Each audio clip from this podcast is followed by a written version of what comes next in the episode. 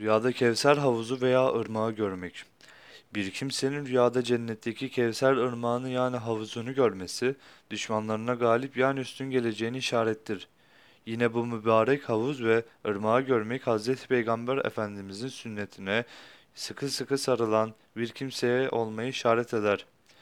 Günahkar bir kimse rüyada Kevser ırmağında su içtiğini görse onun tevbe edip hidayete bulacağına, doğru yola, Allah yoluna gireceğini işaret eder.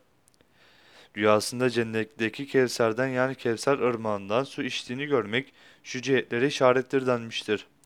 İlim ve marifet er, marifete ermeye, güzel yani salih ameller işlemeye, sağlam bir itikat yani inanca sahip olmaya, Hz. Peygamber Efendimizin sünnetine bağlanmaya.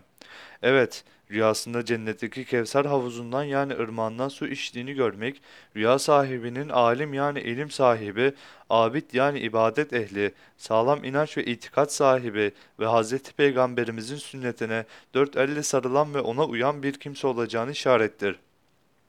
Hasta olan bir kimse rüyasında Kevser ırmağından kana kana içtiğini görse, bu onun şifa bulmasına, eski sağlığına kavuşacağını, iyileşeceğine ve çektiği sıkıntılardan kurtulacağını işaret eden bir müjde habercisidir. Şeklinde yorumlanmıştır.